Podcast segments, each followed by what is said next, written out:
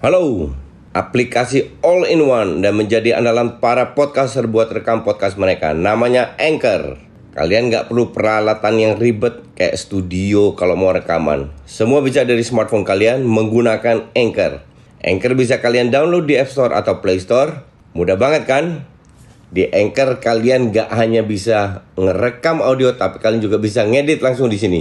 Bukan itu aja, Anchor juga dapat mendistribusikan konten kamu ke platform lain, contohnya Spotify, Apple Music, dan lain-lain. Keren kan? Satu aplikasi buat semua kebutuhan. Daripada kalian makin penasaran, mending langsung aja download Anchor sekarang. Oh ya, Anchor ini gratis loh.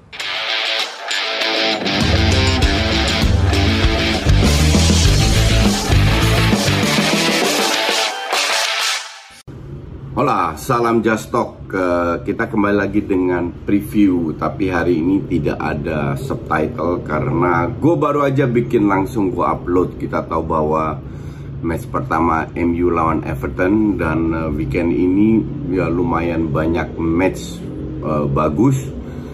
Juga tidak hanya di IPL, juga di Liga Inggris. Kita mulai da di La Liga, sorry Eh, kita mulai di dari Man United Everton. Ya Man United akhir-akhir ini kan dari sisi permainan ya gue nggak bahas prediksi skor dan lain-lain. Dari sisi permainan mulai menurun mulai uh, apa namanya menangnya susah. Kayak terakhir lawan Villarreal terus lawan Aston kalah terus se sebelumnya juga dia detik-detik akhir lawan Ham menang karena penalti nggak masuk. Nggak sesmooth yang orang pikir lah apalagi fansnya yang penuh harapan karena Sancho um, 90 juta datang Varane dan Ronaldo praktis yang benar-benar perform itu Ronaldo. Kalau Sancho Varane gue ya dari awal gue udah ragu bahkan gue bilang Greenwood ini lebih bagus dengan Sancho da daripada Sancho. Sementara Varane untuk gue belum terbukti sama sekali. Bahkan gue tambah yakin seperti yang gue bilang Madrid nggak bodoh jual Varane dengan 45 juta karena dia terlalu banyak. Setiap pertandingan ada aja blunder yang dia bikin. Kesalahan yang yang bi bisa fatal. Itu kalau misalnya lawan Newcastle sama lawan apa West Ham di di Piala Cikik eh di Liga kalau nggak salah. Itu golnya juga dari dia. Gue lupa. In, intinya Uh, terlalu banyak kesalahan buat seorang yang sudah menang tiga kali Champions League dan menjadi starter di timnas Prancis dan uh, Real Madrid. Uh, kalau gue bilang sih dia belum klop dengan Maguire atau apa, apalagi Maguire juga nggak selalu main karena cedera. Uh, beda dengan pada saat uh, ada siapa namanya Ramos, komunikasinya lebih cocok dan gue nggak yakin Varane bisa bahasa Inggris tapi anyway uh, performanya agak menurun. Nah, baru kemarin lawan lawan Villarreal eksperimennya si Ole berubah dia tidak pasang Pogba di winger tapi benar-benar sebagai attacking midfield main dengan satu DM Sancho di kiri. Sejelek-jeleknya Sancho at least dia lebih bagus daripada uh, apa namanya? Pogba di uh, kiri karena balance-nya di di lapangan itu ada kalau MU bermain dengan dua winger. Pogba kalau main di ditaruh di winger kiri dia selalu turun ke bawah itu makan space-nya Bruno Fernandes sehingga berapa kali Bruno Fernandes harus melipir ke area kiri. Karena Pogba lebih suka free roll ke tengah dan lain-lainnya. Nah, Bruno akan lebih bagus kalau dia benar-benar bermain di belakang Cristiano dan kelihatan berapa kali asisnya Bruno, finishernya uh, Cristiano. Kalau nggak sekali-sekali Bruno shoot dapat gol juga. Jadi dua peran ini penting. Jadi maka dari itu gue bilang uh, dua kali dengan Pogba di area kiri nggak berjalan. Sekarang kemarin lawan Villarreal, Sancho ya oke, okay, at least lebih berjalan dari sisi serangan. Walaupun diserang terus juga dan beruntung ada G, G yang yang lagi on fire. Um, in this match gue rasa MU butuh kemenangan bukan hanya untuk tiga poin tapi meningkatkan percaya diri lagi bahwa mereka dengan squadnya yang selevel Ferrari itu mainnya nggak kayak eh, nggak uh, kayak Avanza, oke? Okay? Lawan Everton yang kehilangan Richarlison, gue bilang harusnya bisa ya, harusnya bisa.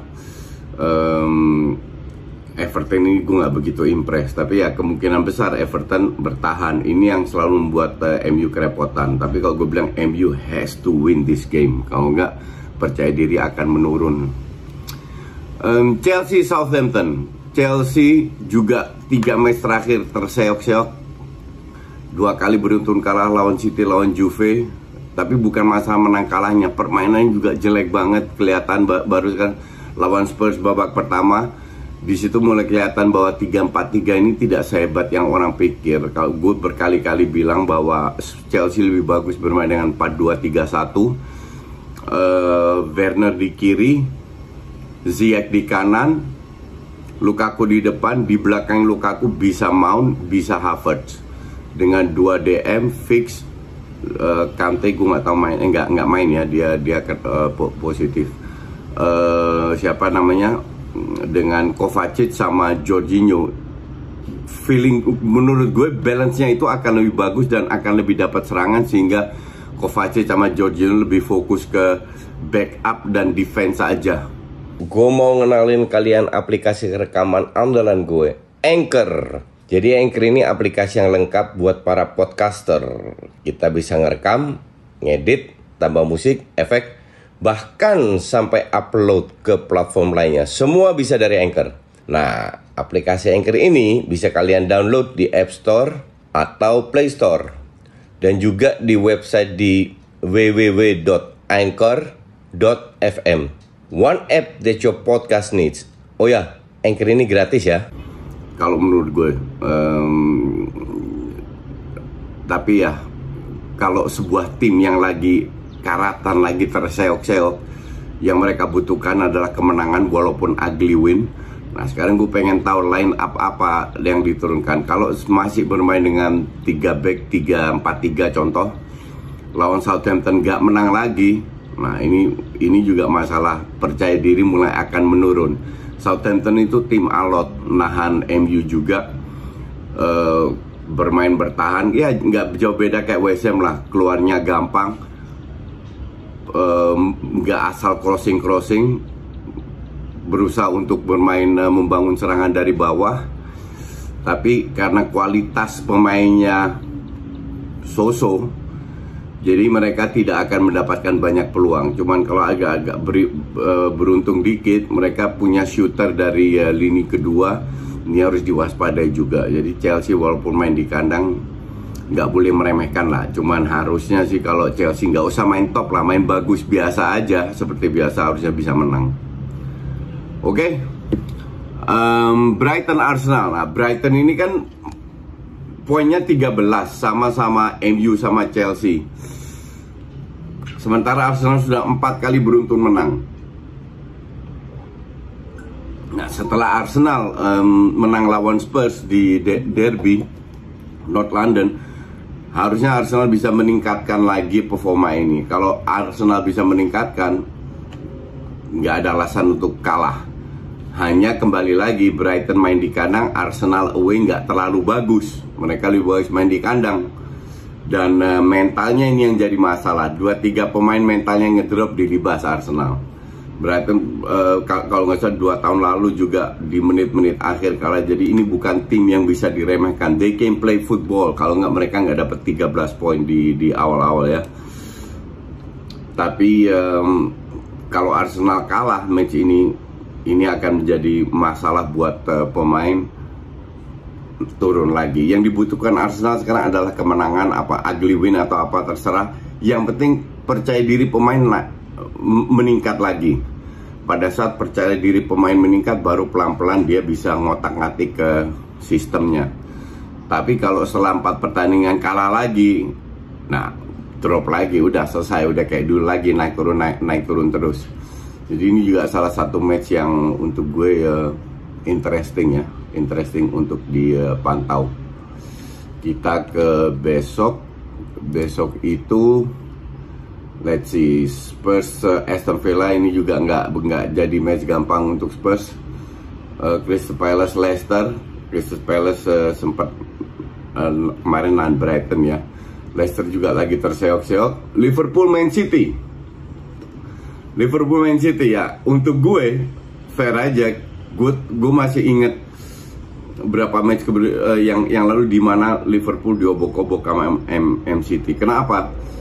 City ini kan kita tahu semua, nggak ada yang bisa ngalahin ball possessionnya. Uh, kedua, mereka itu kalau apa namanya, kalau ketemu tim yang bertahan agak susah karena nggak punya finisher.